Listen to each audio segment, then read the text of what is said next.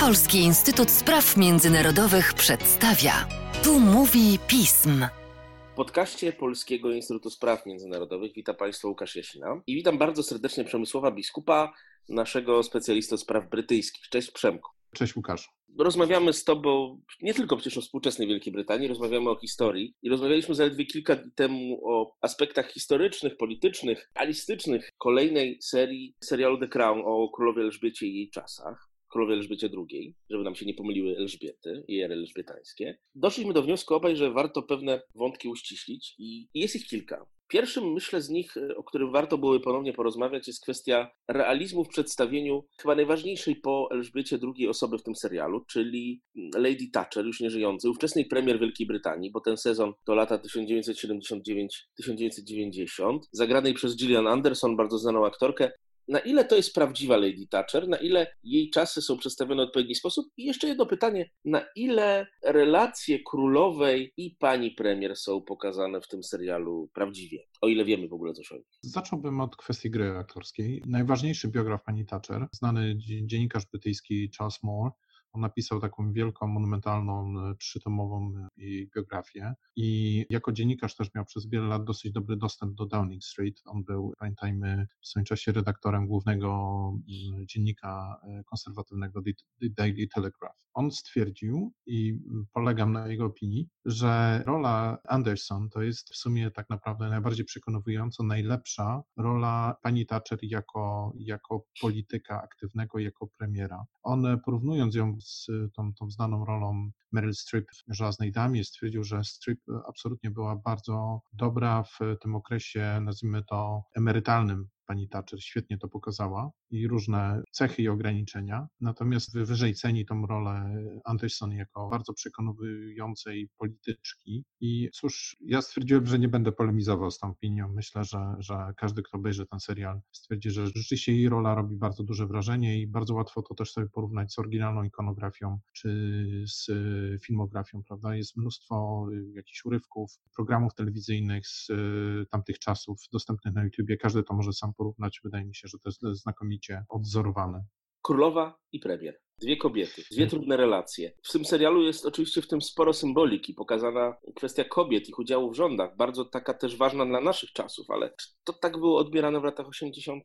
Z dzisiejszej perspektywy możemy powiedzieć, błogosławieństwem też już jakby wiedzy o tym, co się wydarzyło, możemy powiedzieć, że to w sumie była dekada, która była przełomowa. Tutaj jeszcze dodałbym trzecią kobietę, która jest niezwykle ważna dla struktury tego sezonu, mhm. to znaczy księżną Dianę. Ale wracając na chwilę do królowej i do pani Thatcher. Już powiedziałbym, że zasadnicze napięcie między tymi charakterami, i tutaj mam nadzieję, że nie dokonam żadnego spoilowania przyjemności z filmu, jest już zaznaczone w pierwszym odcinku. Jest taka scena, gdzie, scena pierwszej audiencji, gdzie bodajże pani Thatcher stwierdza, że w sumie mamy wiele podobieństwa.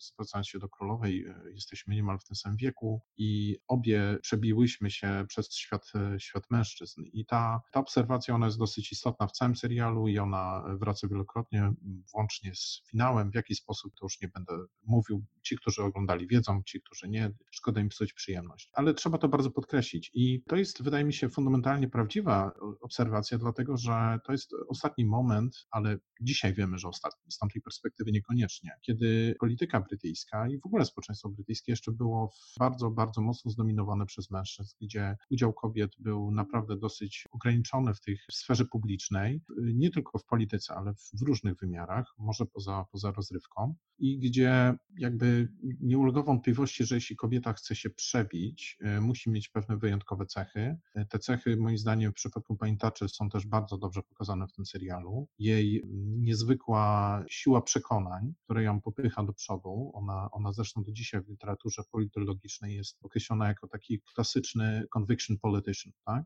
który mhm. jest w stanie realizować pewne cele polityczne związane z, ze swoim światopoglądem, z zespołem swoich wartości, niemalże bez względu na cenę. A z drugiej strony jest pokazana taka, powiedziałbym, bardzo stereotypowo mówiąc, męska cecha jej e, osobowości, prawda, jako jej cecha indywidualna. To parę razy bardzo fajnie wychodzi w scenach, kiedy ona siedzi, coś tam rozważa, coś przemyśliwuje ze szklanką szkockiej. Tutaj odwołując się do znanej anegdoty, szkocka z lodem, ale bez lodu.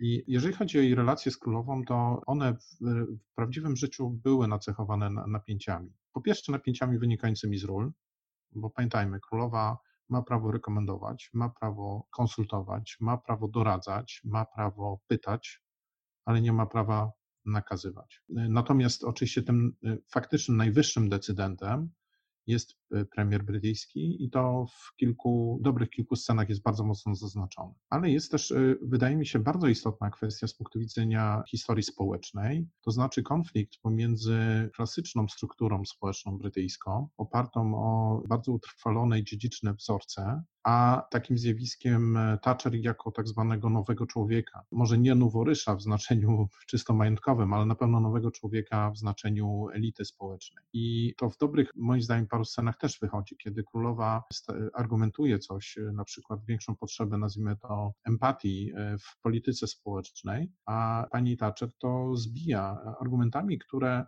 niekoniecznie są niepodważalne same w sobie, ale one są wyjątkowo niekomfortowe i moim, moim zdaniem niepodważalne dla kogoś takiego jak królowa. Prawda? To jest to zderzenie, zderzenie losów życiowych, kogoś, kto może powiedzieć, no cóż, ja się urodziłam w stosunkowo biednej rodzinie, takiej powiedzmy niższa klasa średnia w małym prowincjonalnym miasteczku, ja wiem jak to jest i wiem, co trzeba zrobić, żeby się wybić, żeby się przebić przez różne bariery. I wiem, że to jest, no tutaj nie, nie zdradzę wielkiej tajemnicy, jeśli powiem, że zdaniem pani Thatcher jest to głównie samodyscyplina, etyka pracy i bardzo duża doza wytrwałości prawda? Natomiast to są argumenty, na które niestety królowa no, nie może znaleźć dobrej odpowiedzi, ponieważ jej cała, cały los życiowy, cała droga życiowa y, jest dokładnym przeciwieństwem tego. Tutaj dochodzimy też, y, moim zdaniem, w pewnym sensie do postaci księżnej Diany i y, może tylko zaznaczę jedną rzecz i pewnie, pewnie będziesz chciał jeszcze o tym porozmawiać w innych kontekstach.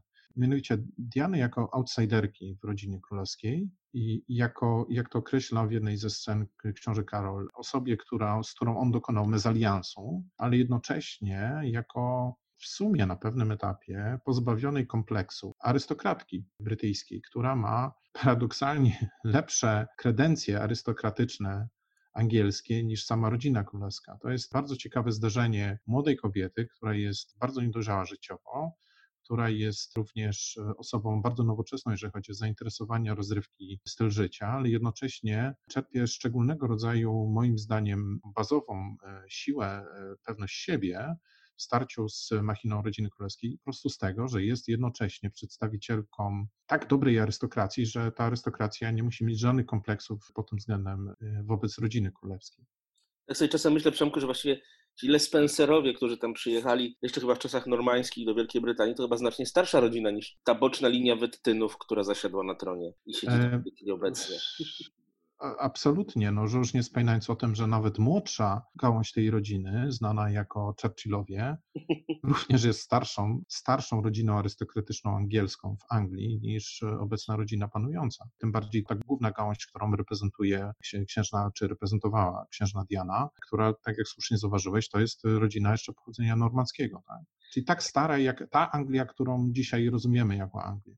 Jak sobie czasami myślę i patrzę się na to, ten cały mit królowej z ludu wokół Diany nie jest do końca prawdziwy, tak samo jak jej ma e, matka królowej, Elżbieta Bowes-Lyon też się wywodziła z bardzo wysokiej arystokracji. Chyba właściwie Katarzyna Middleton, Kate Middleton, przyszła królowa przy Wilhelmie V, jest pierwszą kobietą z ludu, która zajęła tak wysokie stanowisko. E, tak, a, a, absolutnie. Chociaż tutaj jeszcze bym do, dokonał dwóch zas, y, takich może zróżnicowań, tak, drobnych zastrzeżeń. Pozycja niższa królowej matki Elżbiety wynika z tego, że ona była przedstawicielką arystokracji szkockiej. Arystokracja szkocka od czasu Unii z e, Anglią miała niższą pozycję zasadniczo niż arystokracja angielska. Dlaczego? To w, w sferze mm, prawno-symbolicznej wynikało z tego, że wszystkie rodziny arystokratyczne angielskie y, zasiadały automatycznie w Izbie Lordów, a szkockie tylko na zasadzie delegacji. Było kilkunastu parów, którzy reprezentowali cały to, to body politic of uh, Scottish peerage.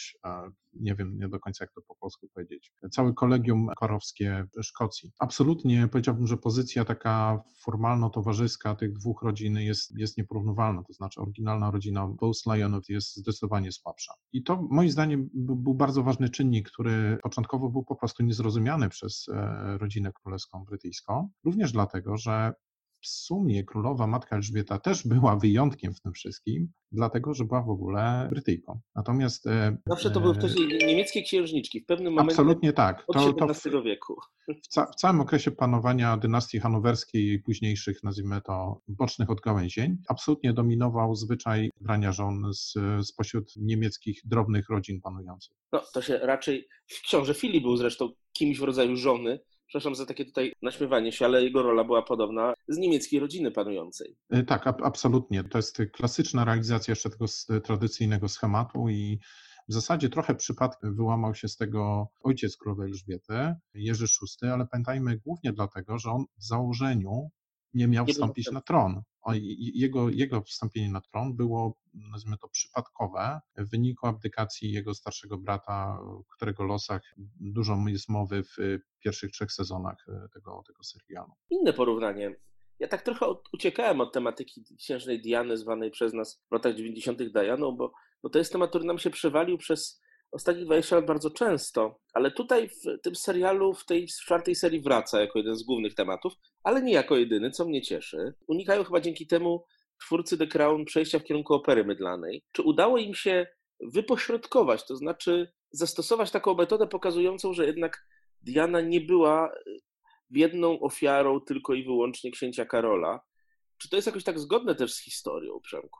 Tak, tutaj może bym zaczął od dwóch zdań na temat tego, Mm, jak to jest oceniane mm, w debacie publicznej w tej chwili w Wielkiej Brytanii? Wydaje mi się, że to są dwie rzeczy, które warto by wypunktować. Pierwsza jest taka, że dobre kilku dziennikarzy brytyjskich zwróciło uwagę przy okazji premiery tego serialu, zwróciło uwagę na to, że tak naprawdę o, mamy do czynienia z prowadzeniem Diany dla nowego pokolenia, jakby wprowadzeniem tej tematyki, tej postaci. Innymi słowy, musimy sobie zdać sprawę, że Diana, pewien magia, symbolizm, jej znaczenie, Diana jako zjawisko celebryckie, to jest domena pewnego pokolenia ludzi, do którego myślę, że my też należymy, to znaczy sami tego doświadczaliśmy jako konsumenci prawda, przestrzeni medialnej, czy uczestnicy tej przestrzeni. Natomiast jak się okazuje, to już jest zupełnie nieoczywista postać dla osób, które dzisiaj mają na przykład 20-20 parę lat ten serial jakby mm, zdaniem dobrych kilku dziennikarzy brytyjskich wskrzesza pewne mity, tłumaczy je, ale moim zdaniem w znacznej mierze już na potrzeby tego pewnie w kolejnych sezonach będzie pokazane księcia Harego. Natomiast druga rzecz, y, która y, tutaj jest moim zdaniem y, właśnie bardzo ciekawie pokazana, to jest pewna przemiana księżnej Diany jako bardzo młodziutkiej, de facto jeszcze nastolatki w momencie wyjścia za księcia Karola i osoby tak wspominałem, niedojrzałej życiowo, do młodej kobiety, która odkrywa samą siebie. Jest to bardzo bolesny mm, proces i która też mm, stwierdza, że jest w stanie sama się zdefiniować. I to się dzieje pod koniec tego sezonu. Moim zdaniem tutaj właśnie ważną rolę w tym wszystkim odgrywa w pewnym momencie to, że Diana sobie zdaje sprawę, że tak naprawdę na tle y, księcia Karola, zwłaszcza ta scena z użyciem tego słowa mezalians, moim zdaniem jest bardzo znacząca, ale tak naprawdę nie ma się czego wstydzić i że skoro jej mąż stworzył pewne, nazwijmy to, standardy własnych, znaczy wzajemnych relacji, to ona ma prawo te standardy w pewnym zakresie odwzajemnić. I to się już pod koniec tego serialu materializuje. Myślę, że to będzie głównym, e, jednym z głównych wątków e, kolejnego sezonu. W każdym razie, w tym sensie, wydaje mi się, że ten portret jest rzeczywiście e, dosyć, dosyć wierny. Zresztą trzeba też uczciwie powiedzieć, że twórcy tego serialu na, Oczywiście ja nie, nie, twierdzę, że on jest dokumentalny, natomiast oni naprawdę mają dobry research, nad tym pracują od strony badania, rozmów, wywiadów z członkami rodzin, osobami publicznymi, które miały do czynienia z bohaterami tego serialu. Pracuje cała armia ludzi i to rzeczywiście pod tym względem jest naprawdę w daleko idącym stopniu realistyczne. Wydaje mi się, że te podstawowe prawdy o relacji między księciem Wali a jego małżonką, one zostały dosyć dobrze e, oddane. E, mam natomiast, kończąc, pewną wątpliwość, czy na pewno jest tak, że uniknęliśmy opery mydlanej. Moim zdaniem tutaj ten żywot, nazwijmy to paralelny, pani Thatcher i jako premiera przywódcy, ale też symbolu wyraźnie to jest pokazane w tej, tej serii e, osoby z awansu społecznego, jest mocno skontrastowany właśnie z tą z małżeństwa książęcego i jednak moim zdaniem mm, trudno się obronić przed wrażeniem, że, że jednak tu jest ten element opery mydlanej, że realne życie, realne problemy, realne wyzwania są po stronie pani Thatcher, nawet jeżeli ona błędnie na nie odpowiada, a mm, to, co się dzieje w ramach młodszego pokolenia rodziny królewskiej, dzieci królowej Elżbiety, to jest e, właśnie ten mm, element opery mydlanej. Cóż, muszę się z Tobą zgodzić w dużym stopniu, ale Margaret Thatcher jest przez to bardziej ludzka. A co do rodziny królewskiej, dziękuję Ci bardzo, że przypomniałeś, że chyba Diana staje się coraz bardziej tłem do Harego. To już nie jest ten samodzielny wielki mit sprzed 20, prawie 30 lat. E, tak, e, przy czym trochę się boję, że to będzie tak jak w, te, w, tym słynnym aforyzmie e, Marksa, że historia się dzieje dwa razy. Pierwszy raz jako dramat, drugi raz jako, jako groteska, jako parodia i jako farsa, przepraszam, on chyba tego słowa użył. Wydaje mi się, że niestety tu, tu, tu nam to grozi, bo już w tym sezonie, o którym rozmawiamy, jest pokazana jednak bardzo ważna, taka pozytywna, autentyczna kulturotwórcza rola księżnej Diany. Jest tam przedstawiona jej pierwsza samodzielna wizyta w Stanach Zjednoczonych. To jest, przypomnijmy, wizyta jakby państwowa, oficjalna. Ona ma swój własny program, i w trakcie tego programu y, ujawnia ten swój potencjał z zakresu y, międzynarodowej filantropii. Spotyka się z y, ludźmi wykluczonymi w Stanach Zjednoczonych. Pamiętajmy, że to jest początek ery AIDS i ogromnej stygmatyzacji osób chorych czy zarażonych tym wirusem. Diana tutaj dokonuje niezwykle ważnych takich mentalnych przełamań. O tym na razie jeszcze nie ma mowy, zakładam, że będzie w kolejnej e, sezonie. Pamiętajmy, że jej działalność obejmowała też dobroczynność w państwach e, trzeciego świata, ale również była jedną z kluczowych postaci za promujących międzynarodowy traktat zakazujący użycia min e, lądowych, a pamiętajmy, że takie miny mają często nawet stuletni żywot. Jakaś wojna się kończy, zapomniana i one pozostają w ziemi i ich głównymi ofiarami przez kolejne lata, czy nawet dziesiątki lat są na przykład dzieci, czy, czy kompletnie niewinni cywile. Tak zwłaszcza jest w trzecim świecie, gdzie, gdzie koszt rozminowywania jest porażający i często się tego po prostu nie robi, nawet po, po już dawno zakończonych konfliktach. Ale tutaj pamięć Diana akurat została. No cóż, trochę dzięki jej śmierci pewna organizacja międzynarodowa dostała w 1997 roku Nobla, co też jest wkładem y, nieżyjącej księżnej. Będziemy o niej zresztą rozmawiali jeszcze nie jeden raz, myślę, przez najbliższe dziesięciolecia, bo jeżeli wszystko dobrze pójdzie, to przecież jej były mąż i syn będą jeszcze panowali przez ileś lat. Tak, to prawda. Jest to bardzo ciekawe. Y, jeszcze na chwilę wracając do tak. księcia Harego, on w ten sposób, y, warto to też przypomnieć, starał się podjąć to, to dziedzictwo swojej matki i wydaje mi się, że najciekawszym jego projektem na tym polu były tak zwane Igrzyska Niezwyciężonych, Invictus Games. To były igrzyska żołnierzy, którzy zostali okaleczeni w wyniku działań wojennych i starali się wrócić do w miarę normalnego życia, powrócić do aktywności fizycznej, uprawiać sport i tak dalej. I to była, czy ciągle jest, fantastyczna inicjatywa, natomiast wydaje mi się, że niestety ona ostatnio dużo straciła e, z powodu wyborów osobistych księcia Harego.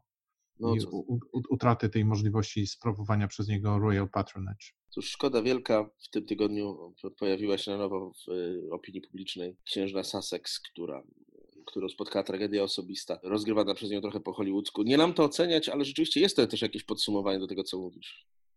Mhm, tak mi się wydaje, że tutaj widzimy powrót pewnych schematów, ale one niestety dzisiaj mają dużo więcej w sobie z farsy przynajmniej w zakresie, nazwijmy to, prezentacji publicznej czy wizerunku publicznego, bo nie, nie chcę tego, broń Boże, oceniać w kontekście czysto osobistym, prawda? Nie znamy tych osób jako ludzi, nie, nie rozmawiamy z nimi, nie jesteśmy w stanie ocenić, co oni naprawdę czują i co naprawdę przeszli, ale w tym wymiarze wizerunku publicznego wydaje mi się, że to niestety poszło w tym kierunku, y, takim bardziej opery mydlanej i farsy. No cóż, czekamy na piąty sezon za dwa lata. Ale jeszcze się nam będzie przydarzało, podejrzewam, przyjacielu, przez ten czas rozmawiać o brytyjskiej policji historycznej. Proszę Państwa, już za kilka miesięcy setne urodziny księcia Filipa. Życzę mu, żeby y, dotarł do tego czasu z dobrym zdrowiem. Dziękuję bardzo Tobie, Przemku, i dziękuję Państwu. Dziękuję bardzo. Pozdrawiam Państwa.